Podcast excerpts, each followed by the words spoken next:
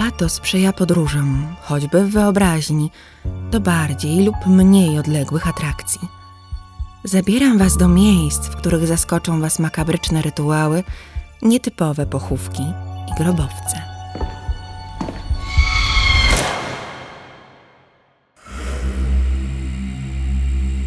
Małe trumny umocowane na lianach zwieszają się z wysokiej pionowej skały, inne umieszczone są w załomach skalnych i jaskiniach. Oto cmentarz ludu Igorot, którego potomkowie zamieszkują miasteczko Sagada, leżące 300 km od Manili, północnej części wyspy Luzon na Filipinach.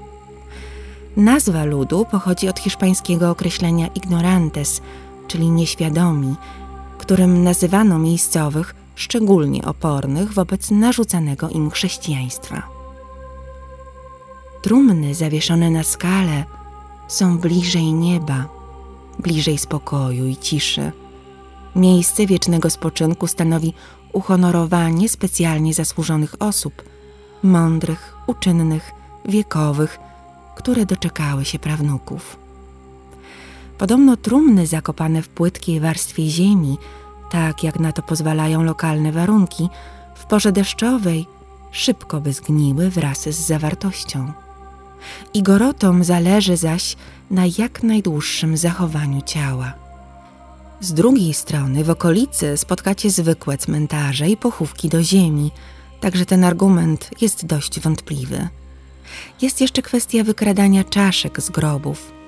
Igoroci byli łowcami głów. Jeśli nie zdobyli ich w walce, nic nie stało na przeszkodzie, by wyjęli je z trumny.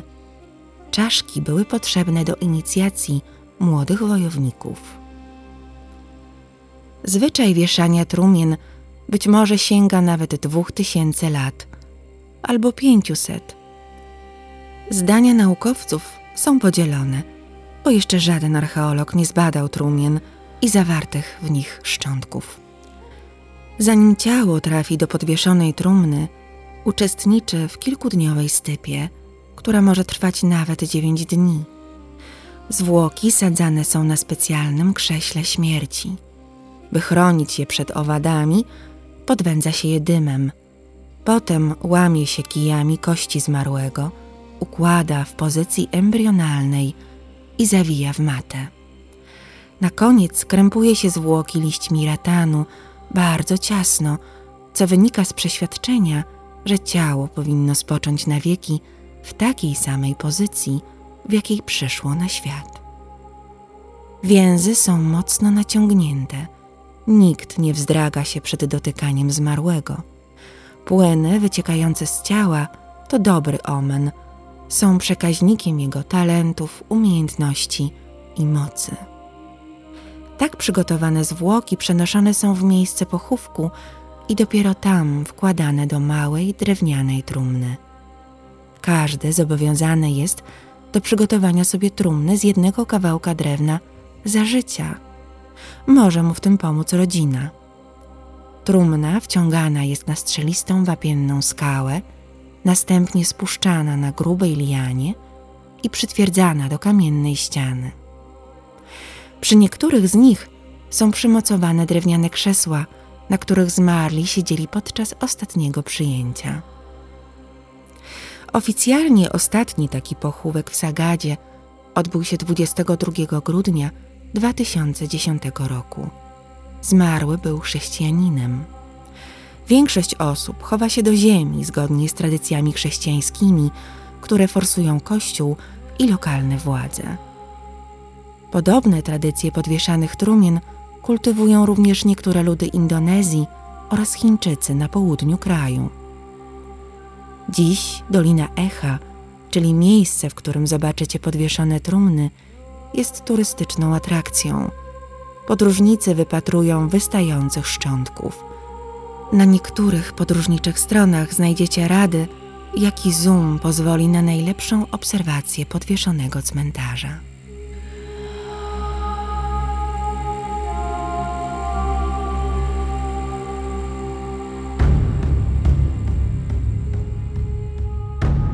Teraz poznajcie kanibala z rekordem Guinnessa.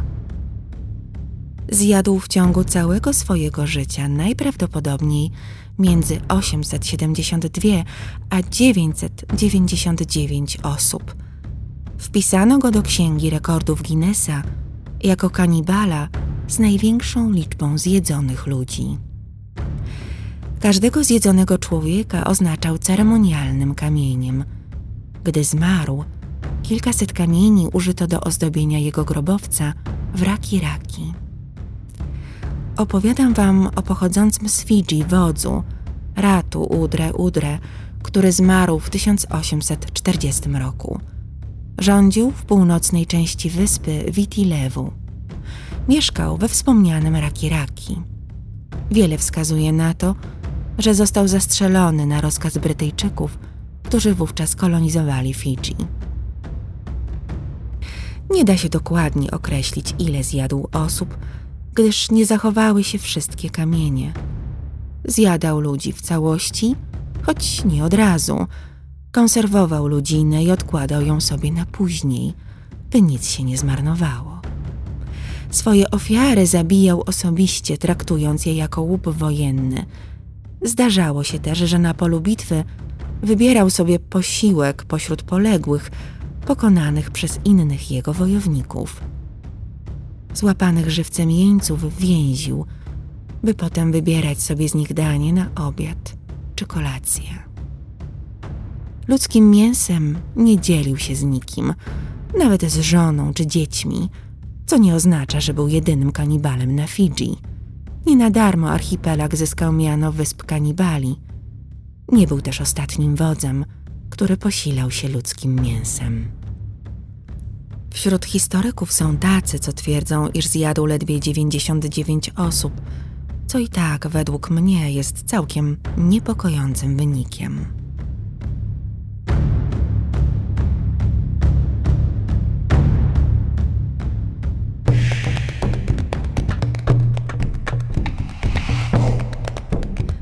Na pewno widzieliście filmik z wesołego pogrzebu w Ganie, który podbił social media. Tak, to ten rejon, ta kultura i te sympatyczne zwyczaje, które Wam za chwilę pokażę. Trumny w kształcie limuzyny, autobusu, koguta, łodzi, rodzącej kobiety, książki. Takie cuda tylko w Ganie. Trumny Abebu Adekai z regionu Greater Accra w południowej Ganie są uznawane za dzieła sztuki. Tamtejszy lud Ga wierzy w życie pozagrobowe, które jest kontynuacją tego na Ziemi. Oryginalne trumny wywodzą się z figur totemicznych, które przedstawiały zwierzęcych opiekunów rodów. Lwy, koguty, kraby do dziś reprezentują totemy klanów. Tradycja nie jest zbyt stara. Trumny zaczęto wytwarzać około 1950 roku. Początkowo wyrabiane tylko dla wodzów i kapłanów, po dekadzie weszły do szerszego użytku.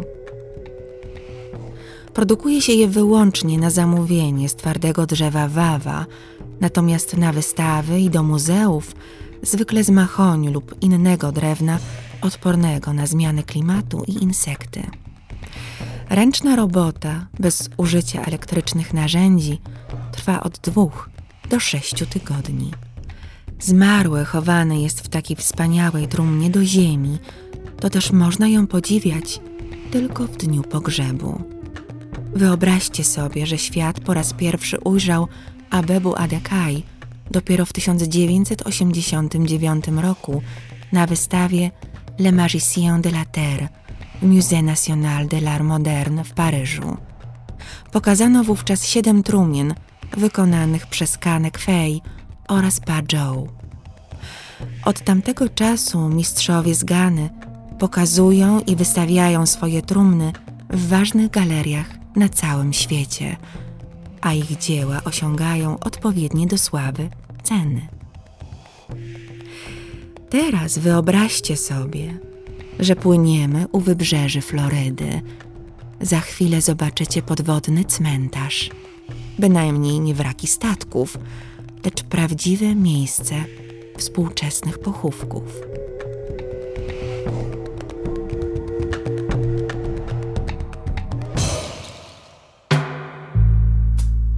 Neptune Memorial Reef, czyli sztuczna rafa zaplanowana na terenie 56 tysięcy metrów kwadratowych dna morskiego, usytuowanego 5 km 200 metrów od Key Biscayne na południe od Florydy, leży na głębokości 12 metrów.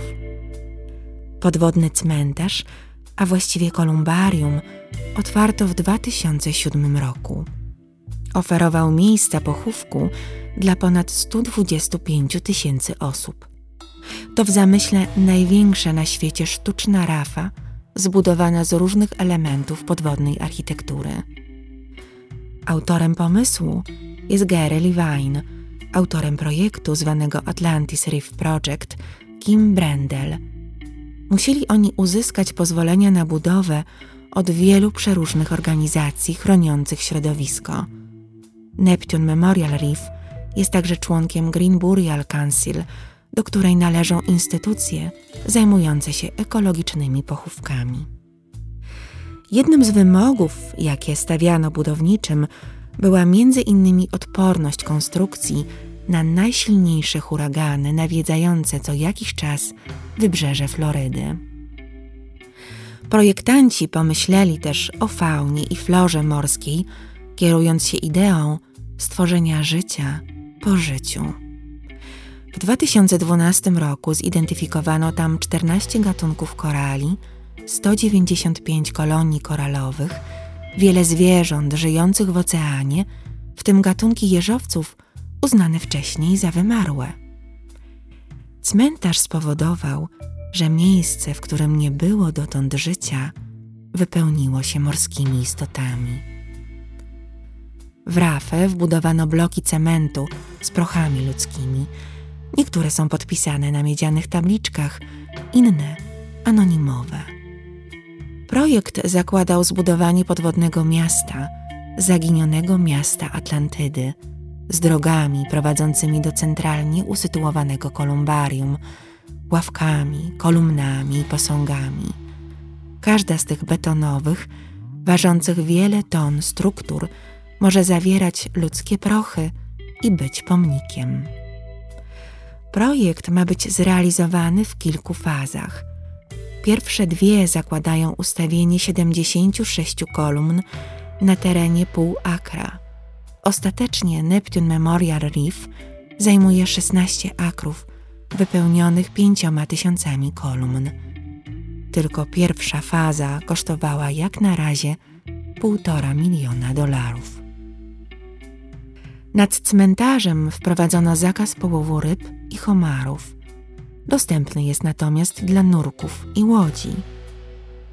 Na dnie oceanu spoczęły dotąd prochy 850 osób na terenie jednego akra. Nietypowe urny porastają naturalne kolonie korali. Cmentarz stał się atrakcją turystyczną, miejscem przyciągającym naukowców, biologów, ekologów, studentów i ciekawskich. Wyobrażacie sobie święto 1 listopada na takim cmentarzu? Co sądzicie o tym pomyśle? Dla mnie jest fantastyczny, ekologiczny, romantyczny w jakimś sensie i zapewnia trwanie wielu gatunkom morskich zwierząt.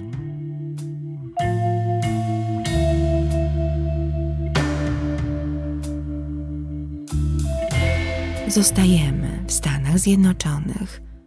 Po prostu musicie to zobaczyć. Jesteśmy w mieście czarownic, czyli Salem, w stanie Massachusetts. Miejsce osławione jest dzięki procesowi czarownic z 1692 roku. Jego niechlubna historia obecnie stanowi atrakcję turystyczną. Tutaj 12 października 2019 roku, po 15 miesiącach prac, powstała największa na świecie plansza Ouija, czyli plansza do wywoływania duchów. Nazwano ją Ouijazilla. Złożona z 99 pomalowanych ręcznie drewnianych paneli, ma 294 metry kwadratowe, waży ponad 4 tony. Mimo tych rozmiarów, może ją obsługiwać jedna osoba, przesuwając gigantyczny ołówek po planszy, i wzywając ducha. Konstrukcję przywieziono w kawałkach z Middlesex w New Jersey, gdzie Rick or Mortis Shrek sam wycinał i malował każdy element. Shrek, właściciel studia tatuażu i sklepu House of One Thousand Tattoos, jest także wiceprezesem Talking Board Historical Society. Pierwszą tablicę Ouija otrzymał w wieku 15 lat, w 1985 roku, ale dopiero 7 lat później, po wizycie w Salem, kolekcjonowanie plansz stało się jego obsesją na lata. W mieście czarownic przekonał się, że tablic jest wiele, mają różne kształty, wielkości i style. Jak dotąd zebrał ich ponad 300. Ouija miały również pomóc Shrekowi przyciągnięciu duchów do jego domu, jednak mimo tak wielkiej kolekcji tablic nie objawił mu się żaden znak z zaświatów. Od 2004 roku tworzy je sam, tak zwane Shrek Talking Boards. Jego dzieła są niezwykłe. Do konstrukcji wykorzystuje zwierzęce i ludzkie kości, ludzkie włosy, a nawet ludzkie prochy. Tablice Ouija, których używają współczesne czarownice, powstają z wiek używanych trumien. Dlatego Ormortis zdobył sam czarną trumnę vintage i planuje wykorzystać ją do sporządzenia bardziej skutecznych Ouija. Znakomity recycling, według mnie. Oficjalny rekord Guinnessa należy do mniejszej tablicy, znajdującej się na dachu nawiedzonego hotelu Grand Midway w Windber w stanie Pensylwania. Jego właściciel, Blair Murphy, nadał nazwy każdemu z 32 pokoi hotelowych kojarzące się z horrorami, przykład wampir czy Frankenstein. Ogromną tablicę Ouija zainstalował na dachu budynku w 2016 roku. To kolejna atrakcja mająca przyciągnąć turystów. Panowie Murphy i Shrek wciąż spierają się o tytuł największej Ouija. Właściciel hotelu ma certyfikat z Księgi Rekordów Guinnessa. Shrek czeka na zakończenie oficjalnych procedur i pomiarów. Ouija jest znakiem towarowym Hasbro. Shrekowi udało się zdobyć ich pozwolenie na wykorzystanie tradycyjnego kształtu w projekcie Ouijazilli. Jak zapewne wyłowiliście z moich opowieści, nie wierzę w duchy. Szczerze jednak podziwiam osoby próbujące nawiązać kontakt z zaświatami. Shrek zrobił sobie na pewno ogromną reklamę dzięki zbudowaniu Ouijazilli, ale jest prawdziwym pasjonatem, który zrealizował po prostu kolejne marzenie.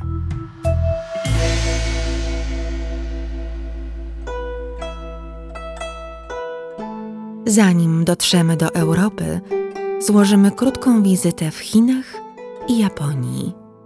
Witajcie w chińskich Pompejach. Muzeum Laja Ruins otworzono całkiem niedawno, w kwietniu 2018 roku. Na ekspozycję składają się archeologiczne odkrycia z 1981 roku. Wystawa przedstawia ofiary trzęsienia ziemi Plaja w prowincji Qinghai. Odtworzone sceny wzruszają Matki zastygły w geście pełnym miłości i poświęcenia. Nie zdołały jednak uchronić dzieci przed śmiercią, nawet za cenę własnego życia. Co ciekawe, jedna z kobiet chroniąca dziecko, chłopca, na pewno nie była jego krewną, potwierdziły to badania DNA. Tak jak ofiary wybuchu Wezuwiusza 24 października 79 roku w Pompejach, tak i tu ciała zastygły w pozach, jakie tragicznie zmarli przybrali w chwili śmierci. W Pompejach ciała okrywa wulkaniczny pył. Tu jeszcze bardziej tragiczny widok odsłania się przed nami. Widzimy jedynie gołe kości ofiar.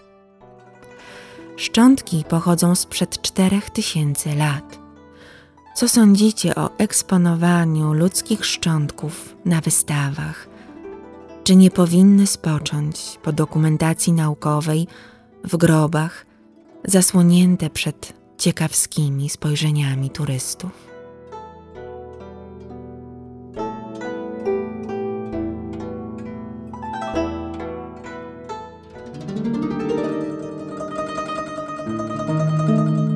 Podróży do Japonii zagwarantuję Wam mniej wzruszeń, za to więcej technologii. Dziewięciokondygnacyjny budynek w Tokio, między trzecim a ósmym jego piętrem, w licznych salach znajduje się łącznie siedem tysięcy zamykanych szafek. Do każdej z nich włożono urnę z prochami. Na pozostałych piętrach budynku odprawiane są ceremonie pogrzebowe. Pojedynczą szafkę można wykupić za 400 tysięcy jenów, czyli około 5 tysięcy dolarów. Niektóre z nich wyposażone są w ekran dotykowy pokazujący zdjęcia zmarłego, skierowane do niego wiadomości, drzewo genealogiczne rodziny i inne informacje. Kilkupiętrowe apartamentowce grobowe, takie jak ten, który opisałam, stają się na tyle popularne i potrzebne w zatłoczonych japońskich miastach, że powstają również poza metropoliami. W 2016 roku było ich już ponad 12 tysięcy w całym kraju. Jest to forma oszczędności miejsca oraz pieniędzy. Działki na tradycyjnych cmentarzach w Japonii osiągają kosmiczne ceny od 24 tysięcy dolarów aż do 100 tysięcy w centrum Tokio. Ponadto rocznie umiera około 1 300 tysięcy Japończyków. Tendencja jest niestety wzrostowa. Szacuje się, że w 2040 roku umrze niemal 1 700 tysięcy mieszkańców Japonii. Wszystkim zmarłym trzeba zapewnić lokum na wieczność – na szczęście prawie 100% z nich poddawanych jest kremacji, mimo to robi się coraz ciaśniej. Tak drogie miejsca muszą być również odpowiednio zabezpieczane.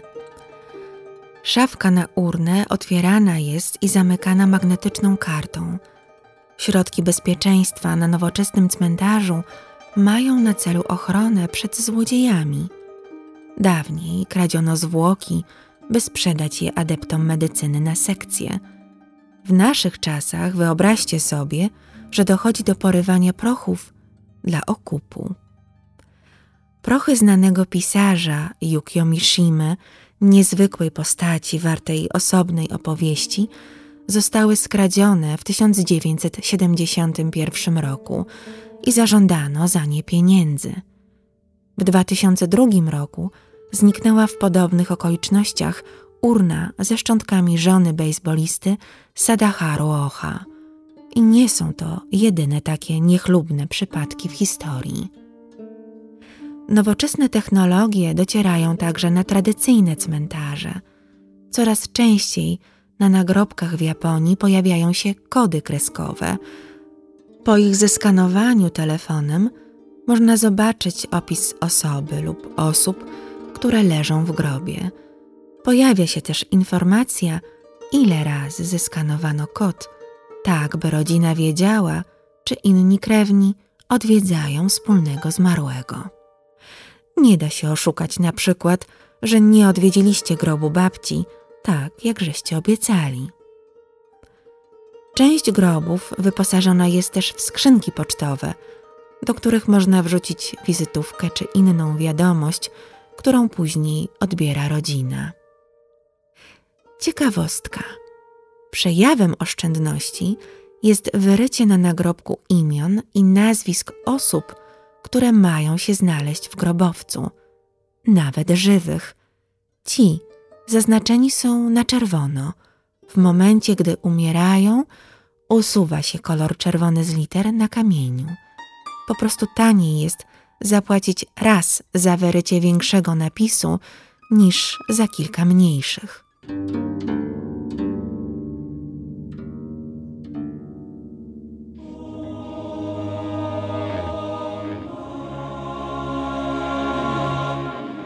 nawet po śmierci nie można mieć spokoju, o czym świadczy historia Marii Adelaidy z Arcozelo w Portugalii.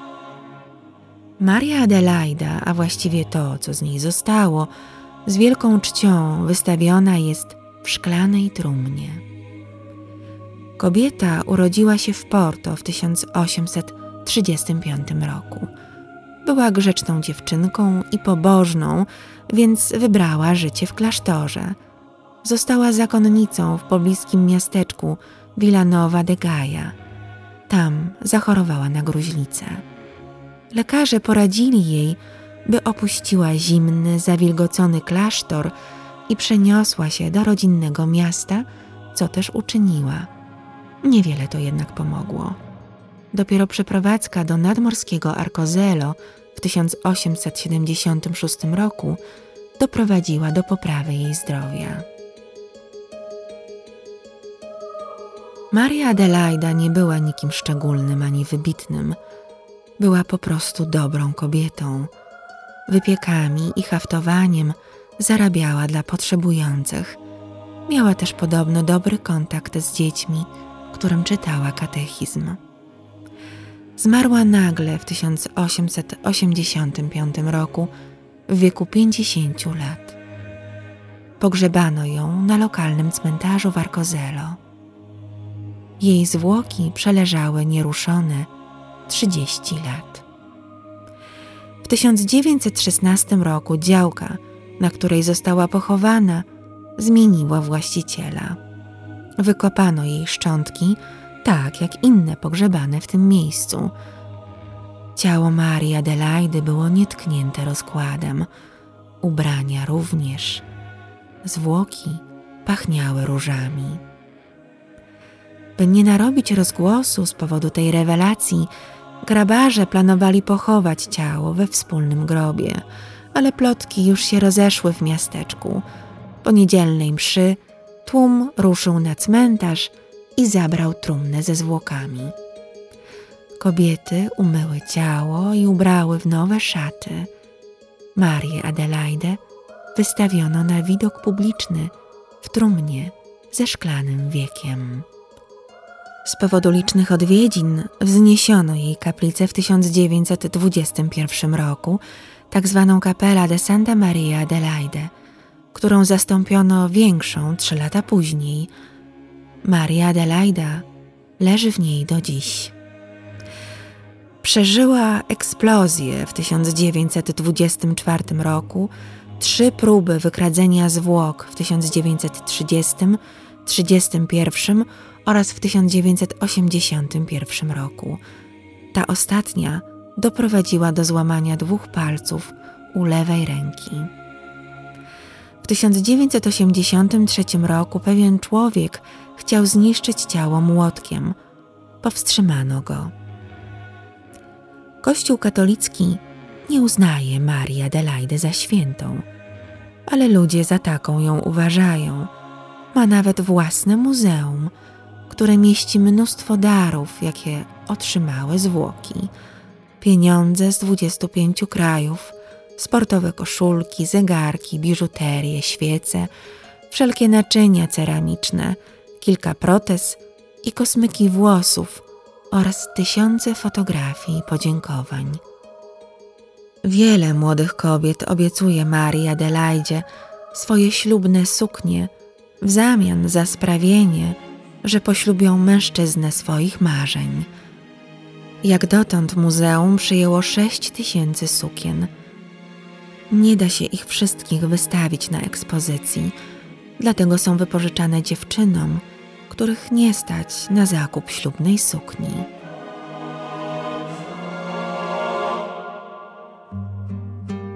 Z Portugalii wyruszamy do Neapolu, gdzie obejrzycie ludzkie stopy, ręce i nie tylko, zakonserwowane przez słynnego włoskiego balsamistę. Efizio Marini, urodzony w 1835 roku, odbył studia medycyny i historii naturalnej w Pizie. Po ich ukończeniu powrócił do rodzinnego Cagliari na Sardynii, gdzie szybko pozyskał przydomek Il Pietrificatore, Imbalsamatore, dzięki swoim zainteresowaniom i badaniom poświęconym konserwacji ludzkich zwłok i organów.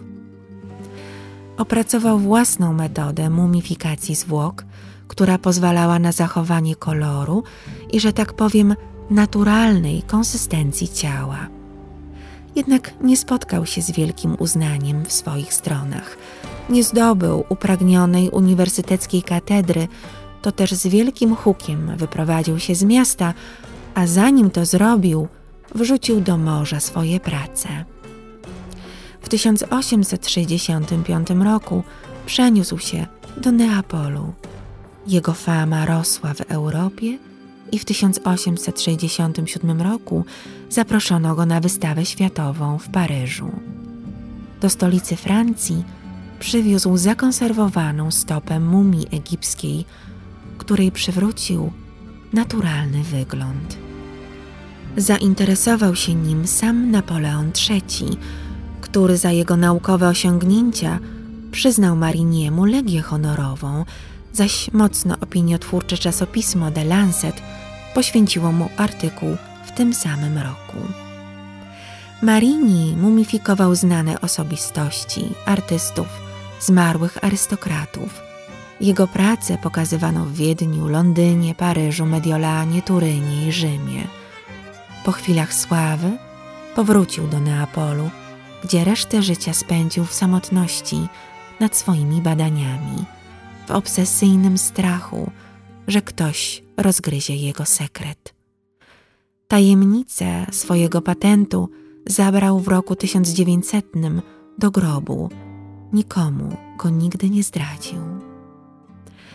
Jego pracę zachowano w Muzeum Anatomii w Neapolu i tam możecie je oglądać. Dodam, że w 1881 roku we Włoszech zabroniono jakże popularnego balsamowania zwłok, mimo zakazu jednak wciąż poddawano ciała zabiegom konserwacji aż do lat dwudziestych XX wieku.